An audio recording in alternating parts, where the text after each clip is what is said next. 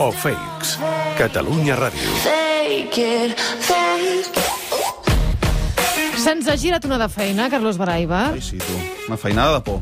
És que ara, amb, amb la campanya electoral, podries estar 24 hores al dia fent fets o fakes, no? Mm, no m'estiris la llengua perquè ja tinc prou feina i, i realment és veritat que és, és absolutament un no parar. Uh, I aquesta setmana, és que clar, s'ajunta pandèmia i campanya electoral, és, és la tempesta perfecta. I de fet tot el que et porto avui és, és pandèmia i, i vacunes i mentides i mort, bueno, i mentides sobre xifres i, mm, i, una, i, i un últim, i un últim, el superfake de la quinzena que crec que ens divertirem una mica, que també està bé, i aprendrem.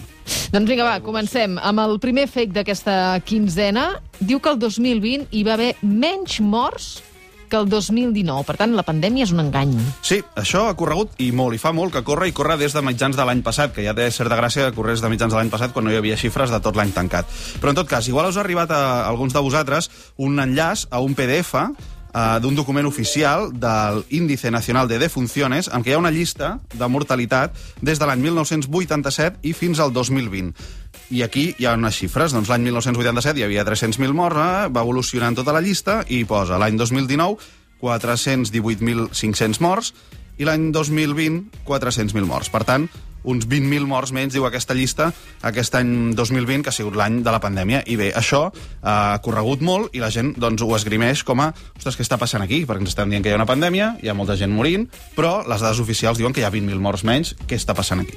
Bé, això, ja dic, ha corregut molt, és un document oficial, però clar, en si mateix, aquest, aquest, aquest, eh, aquest document porta dins mateix del document el propi desmentit. Perquè en aquesta pàgina, en aquest PDF, si mires a baix, hi ha un asterisc, immediatament a sota Sí, sí, de la dada, hi ha un asterisc i després un doble asterisc que diu el següent. La incorporación de fallecidos al índice de defunciones tiene un decalaje temporal. Aunque los datos se actualizan mensualmente, no todas las defunciones que se producen en un mes dado pueden ser incorpora- incorporadas al mes siguiente. Algunas lo hacen más tarde. És a dir, Home. clar, aquesta, clar és, una, és un recull de, de, estadís, eh, no estadístic, perquè això són dades reals, però que es van arribant les dades, van arribant al llarg de tot l'any següent. És a dir, aquest 2021 seguiran arribant dades de mortalitat del 2020. I això és perquè, doncs, això són registres civils d'aquí d'allà, un re... és a dir, hi ha moltes situacions anòmales. Això, per exemple, durant la primera onada de la pandèmia, amb els funcionaris a casa, fent teletreball, amb Clar. tot el confinament, tot això es va quedar eh, bloquejat pràcticament. Es va fer una bola, es va fer una bola de papers que no avançava. I tot just, això, i això passa cada any. És a dir, durant l'any 2020 es van anar actualitzant totes les dades de mortalitat del 2019. Per tant, les dades de mortalitat del 2020 no les tindrem fins ben avançat al 2021, les dades tancades.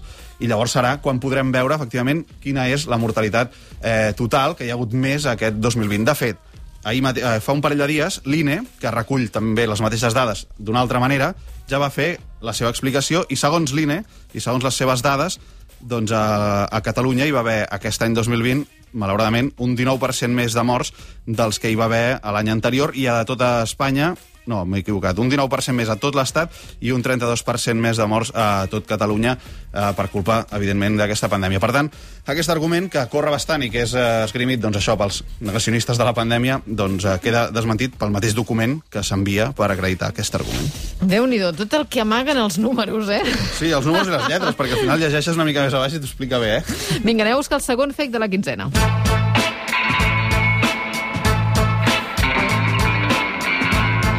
A veure, aquest segon fake de la quinzena eh, té a veure amb Israel i amb Noruega. Hi ha una cosa que també ha passat a, a Catalunya en els darrers dies i que de seguida eh, explicarem més tranquil·lament.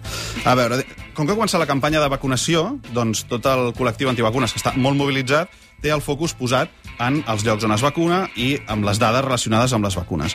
I un dels fakes que... Bé, una de, la, de les informacions que ha corregut molt entre aquest eh, col·lectiu és que a Noruega fa dues setmanes es van notificar oficialment la mort de 29 persones de més de 80 anys que ja havien rebut la vacuna. D'acord? A, a veure, evidentment, la gent que es vacuna se seguirà morint de múltiples coses, però bé, per, això, eh, val la pena posar-hi el focus, no? Les autoritats sanitàries van explicar que eren persones, aquestes 29 que havien mort, en situació d'especial fragilitat. Asseguren que no s'ha demostrat la correlació entre la vacuna i la mort i, en tot cas, el que expliquen és són gent d'una edat molt avançada, amb altres patologies, amb situació d'una fragilitat eh, més gran que la majoria de la població i que, en tot cas, les vacunes sí que tenen descrits uns efectes secundaris que ja hem explicat moltes vegades, que són marejos lleus, abatiment, cansament, mal de cap i aleshores ells apunten, que evidentment no hi ha proves perquè cal una investigació més profunda, però apunten que aquests efectes secundaris que a tu i a mi amb sort doncs, no ens farien res o ens eh, tindríem una mica mal de cap, doncs a una persona que té 80 anys, 85 anys i que té altres patologies, doncs pot ser un petit agravant més, agreujant més de la, de la seva situació que acabi derivant en la mort d'aquesta persona. Els experts, però, adverteixen, i sempre ho han dit, que estan molt a sobre d'aquests temes i que estan analitzant cadascuna de les morts, cadascuna de les dades i cadascun dels, dels, eh, de les persones que, que, que rau la vacuna per, per evidentment, tenir més informació de, del que fan les vacunes o de com afecten les vacunes. Però, en qualsevol cas, no hi ha cap demostració de la correlació entre, entre la vacuna i la mort d'aquestes 30 persones, que, de fet, sí que es va produir, doncs, 80 persones, 80 persones a Noruega, i 30 persones a Noruega de més de 80 anys, efectivament van morir després de posar-se la vacuna, però no hi ha cap evidència que sigui per culpa de la vacuna. En aquesta línia, una altra cosa que està corrent molt és una declaració de la ministra de Salut d'Israel. En una roda de premsa, com les que fa aquí el doctor Gimón, la consellera Vergés, a Israel, ella va explicar després que després de les primeres vacunacions, un 17% de persones de les que estaven ingressades als hospitals en estat greu ja havien rebut la primera dosi. Clar, això doncs, també ha corregut molt. Ostres, com pot ser? Gent amb la vacuna ingressada. Doncs bé, això s'ha explicat mil vegades, us aneu fet un fart d'explicar-ho vosaltres, nosaltres, però val la pena repetir-ho. Aquesta gent que estava ingressada, que era un 17% del total i que estava greu, havia rebut la primera dosi de la vacuna. A més, s'havia infectat, segons el, Departament, el Ministeri de Salut d'Israelia, s'havia infectat durant els primers dies després de rebre la primera vacuna. Per I tant, com- quan encara no, no hi havia fet efecte. no hi havia immunitat, perquè la immunitat, ja ho sabem, arriba després de la segona vacuna i encara quan han de passar entre 7 i 14 dies després de la segona dosi. Uh -huh. Per tant, l'explicació de per què hi ha gent ingressada amb la vacuna doncs és aquesta. I ahir, reblant el clau i portant-ho aquí al terreny de casa nostra, a la residència de sort, ens explicava l'Eloi Barrera, el, el corresponsal al, al Pirineu, que en una residència de sort s'havien donat contagis de persones que havien rebut la segona dosi de la vacuna. Per tant, una mica més de gasolina per, ostres, mira, la vacuna no va, o no va, no serveix, etc. Doncs eren persones que havien rebut la vacuna i que tres dies després, tot just, s'havien contagiat. En tot cas, no tenien símptomes, no tenien símptomes greus, i tampoc havien passat aquests 7 a 14 dies després de la segona dosi per immunitzar-se.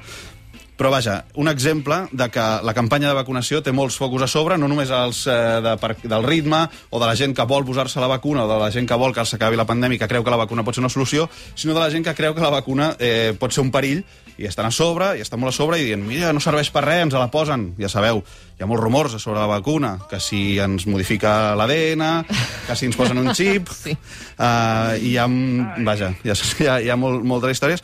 I això del xip em porta al superefecte de la quinzena, que és que, clar, és un dels protagonistes eh, estel·lars de, de, de, de, de, dels amants de les conspiracions, que és Bill Gates, perquè molta gent diu això, no? que com Bill Gates va eh, invertir en la investigació per les vacunes de mRNA, eh, volia posar-nos un xip per controlar la humanitat. Doncs bé, aquest superefecte de la quinzena també té molt a veure amb aquesta visió que tenen els, els antivacunes d'aquest eh, Bill Gates, que és com un dolent de pel·lícula. El superfake de la quinzena.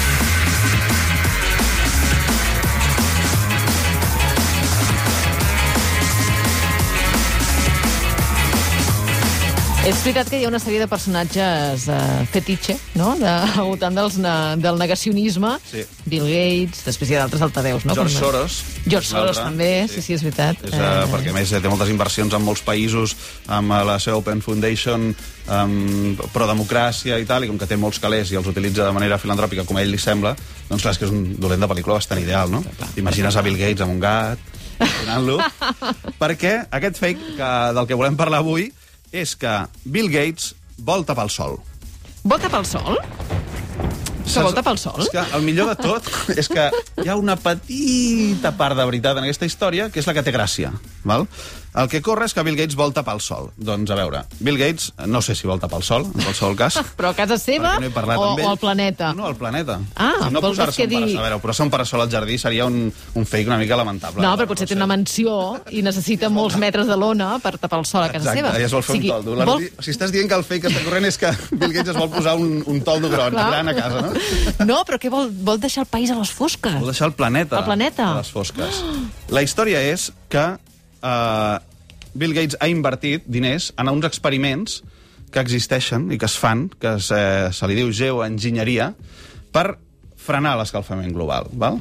I una de les estratègies que els científics han pensat, mm, és fàcil arribar-hi també, és que per frenar l'escalfament global doncs, podríem tapar el sol. Llavors, Bill Gates què ha fet? Bill Gates, com... A veure, un moment. un moment. Algú ha Ara, pensat atenció. que Home. per frenar l'escalfament global, és a dir, el canvi climàtic, la solució és posar un parasol al planeta? Aquesta és... Mira, és que clar, és que m'estàs fent la secció ja, eh? Sí, sí, és boníssim. Déu.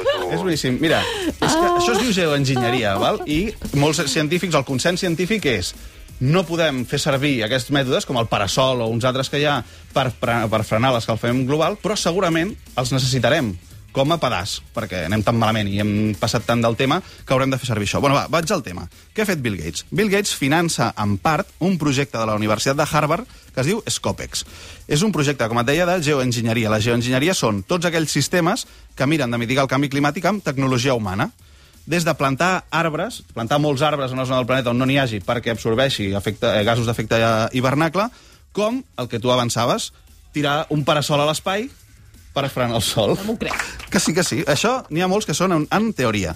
I el, el projecte en concret que ha finançat eh, Bill Gates és el que està fent un pas més per portar-ho a la pràctica. Val? Ens ho explica el Joan Anton Català, és eh, divulgador i col·laborador del suplement, que ens ha explicat exactament de què va aquest projecte, l'Escopex. Aquesta iniciativa el que es basa és en enlairar aerosols a l'atmosfera perquè aquests aerosols puguin bloquejar l'acció del sol, és a dir, puguin reflectir cap a l'espai part de la radiació del sol que rebem.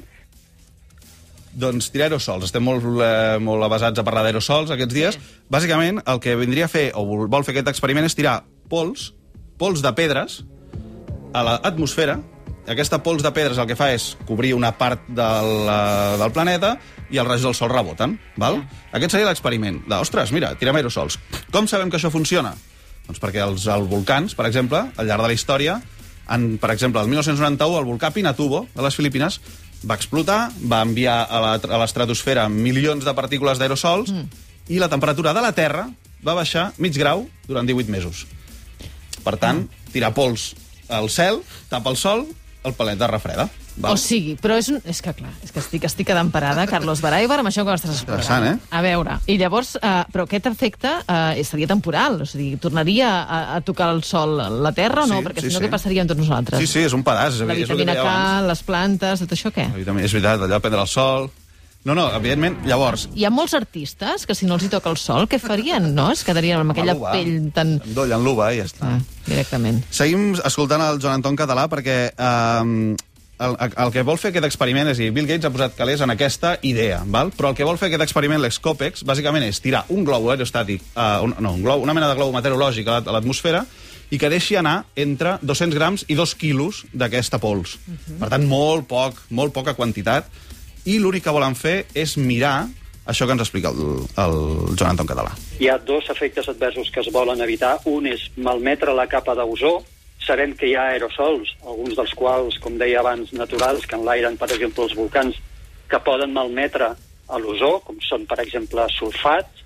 Uh, I l'altre efecte advers que volem, que volem impedir és que uh, aquest aerosol reaccioni, faci reaccions químiques amb altres components de l'atmosfera.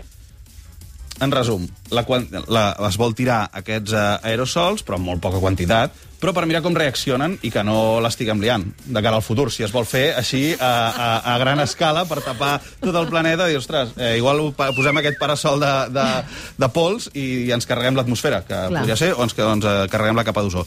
En tot cas, aquest, aquest experiment està en una fase molt inicial i, si passa alguna cosa aquest any en aquest eh, tema, és que al juny enlairaran el globus sense pols, encara sense aerosols, per tant no deixaran anar res, i encara necessiten una autorització d'un panell d'experts independents de Har- de- de- de- d'aquest experiment perquè els doni autorització per enlairar el globus. Perquè tot això té moltes implicacions ètiques, com tu ja avançaves. És a dir, estem, a què estem jugant? No? És una mica eh, relacionat... Estem jugant amb el clima. Clar, i no ens haurien de, donar, de demanar permís a nosaltres? Bé, aquest és un debat, exactament. El, mira, el Joan Anton Català eh, ens deia això, ens explicava que aquest debat es pot arribar fins on vulguis, perquè, clar, és, és geoenginyeria, estàs jugant amb el clima i no saps quin és l'efecte a molt llarg termini. També és veritat que passa amb moltes altres coses de la vida, per exemple, amb els aliments transgènics. Hi ha molta gent que diu que sí, que palien una situació concreta de, de gana o el que sigui, o ens permeten tenir més producció, però no sabem com afecta els ecosistemes a llarg termini. Però, en tot cas, i pel que sembla, ens haurem de resignar que aquestes solucions doncs són cada vegada més inevitables, perquè no estem fent la feina amb el tema del canvi climàtic i el Joan Anton Català ens deia "És que ens hi haurem d'acostumar, això serà un complement més per frenar l'escalfament global. En aquest moment, eh, des del punt de vista científic, no s'estan plantejant com solucions úniques, eh, o com la solució. S'estan contemplant com a complementàries en aquesta reducció obligada que hem de fer de les emissions. I, clar, I aquest experiment fins i tot es fa a Suècia, perquè té una legalitat, una legislació que permet... És aquest, aquest experiment, el llançament, es fa des de Suècia perquè té una legislació que és més laxa en aquest sentit. I en molts altres països del món potser no es podria fer o necessitaria una autorització de l'autoritat de, de, del legislatiu o del govern, el que sigui, i posa sobre la taula un debat Clar, perquè el cel no és només de Suècia. Correcte. I el planeta no és només de Suècia. Per tant, les derivades d'aquest eh, experiment afectarien la resta de la població. Això mateix. En aquest cas és un, és un experiment, ja dic, molt petit i molt a petita escala, perquè el que s'intentarà fer és una franja de pols d'un quilòmetre de llarg i 100 metres d'ample. Per tant, Ah, no, no, no, no, eh. no, home, aquest experiment amb 200 grams de pol, 2 quilos de pols, què vols fer? amb aquest, però ja és un primer pas, i llavors, clar, el dubte és aquest primer pas, doncs, a on portarà, evidentment, Bill Gates no sé si vol tapar el sol, en tot cas no el taparà aquest any.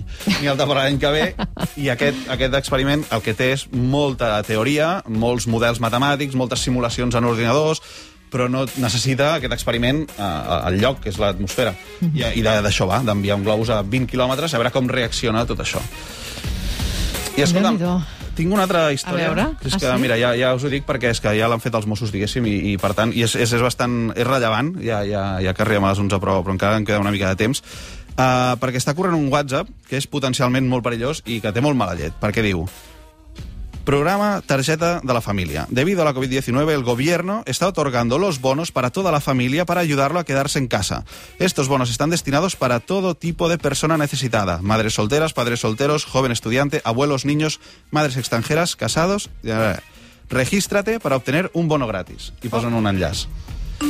Doncs això, si us arriba, no ho reenvieu, no cliqueu a l'enllaç, no poseu les vostres dades perquè realment és material sensible, o sigui, estan anant a la, segurament a les capes de la societat que més necessiten aquests calés i es tracta d'una estafa més, d'un phishing més, com n'hi ha tantíssims. Per tant, si rebeu aquest correu, que ve amb unes emoticonetes d'una bossa de diners i un noi, una noia, una família, i que, par, que diu programa targeta de la família, no piqueu, no hi ha bons de l'Estat per famílies, no s'estan repartint diners d'aquesta manera.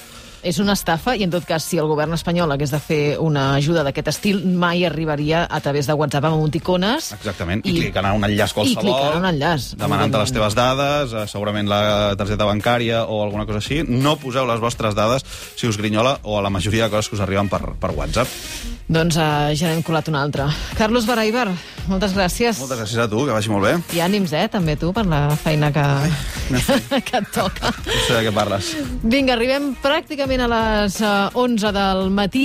De seguida el butlletí amb l'Òscar, suposo. Ah, sí, suposo. Sí, no, o, l'ha fet o ell. suposo, jo sí, que suposo, jo sí que suposo. El deu haver fet ell. No, que jo, a vegades aquí, hola Òscar, i surts tu, hola Carlos, i Ja, surts això ell. passa. No, no, això, un dia en L'ordre parlarem és per d'això. defecte i Òscar Fernández. I si us avisem específicament, és, que és una altra persona. I si no us avisem, jo estic pot ser que punt, eh? també. Mira'l, ja el tenim. Jo estic a punt, eh? Oh, ja I hi Pilar ets. Garcia també. Vull Ja dir hi que ets? ja, ja estem tots. Des de dos minuts abans? Per si de cas algun dia fossis puntual. Avui serà puntual perquè no omple, ja ho veus. Ah. Estem aquí allargant, que si una promo, i llavors No. no. anirem en punt a les 11. No, perquè volia explicar que després del butlletí uh, venen el Toni de la Torre i la Maria Nicolau amb les sèries i piscolabis i que després estarem pendents uh, de les nominacions dels Gaudí, que sabeu que s'anuncien a, a partir d'aquesta hora i que és un any uh, que ha estat tan i tan dur per la indústria de, del cinema, doncs ens interessa saber amb quines perspectives es presenten aquests premis que arriben a la tretzena edició. Hi ha concurs de pingo avui? O ja s'ha acabat? Vols participar? Podria haver participat. Home, confessar-ho. doncs podíem haver fet una... Fem una Ja. pròrroga ara mateix? No, no, ja està. Sí, fora no, sí, concurs, jo puc esperar, eh? no, hi ha, no hi ha problema, eh? No, No, no. Queden 30 Ja segons. està fora de, fora de concurs. Ja, no, ja si no puc guanyar, no, no, no concurso. Veus? No t'atreveixes? No, no. Va, No cal, va, va, va. Oh! Molt bé, vinga. Vaig a fer un butlletí de, amb el màxim rigor. Molt bé. Adéu. 嗯。嗯嗯嗯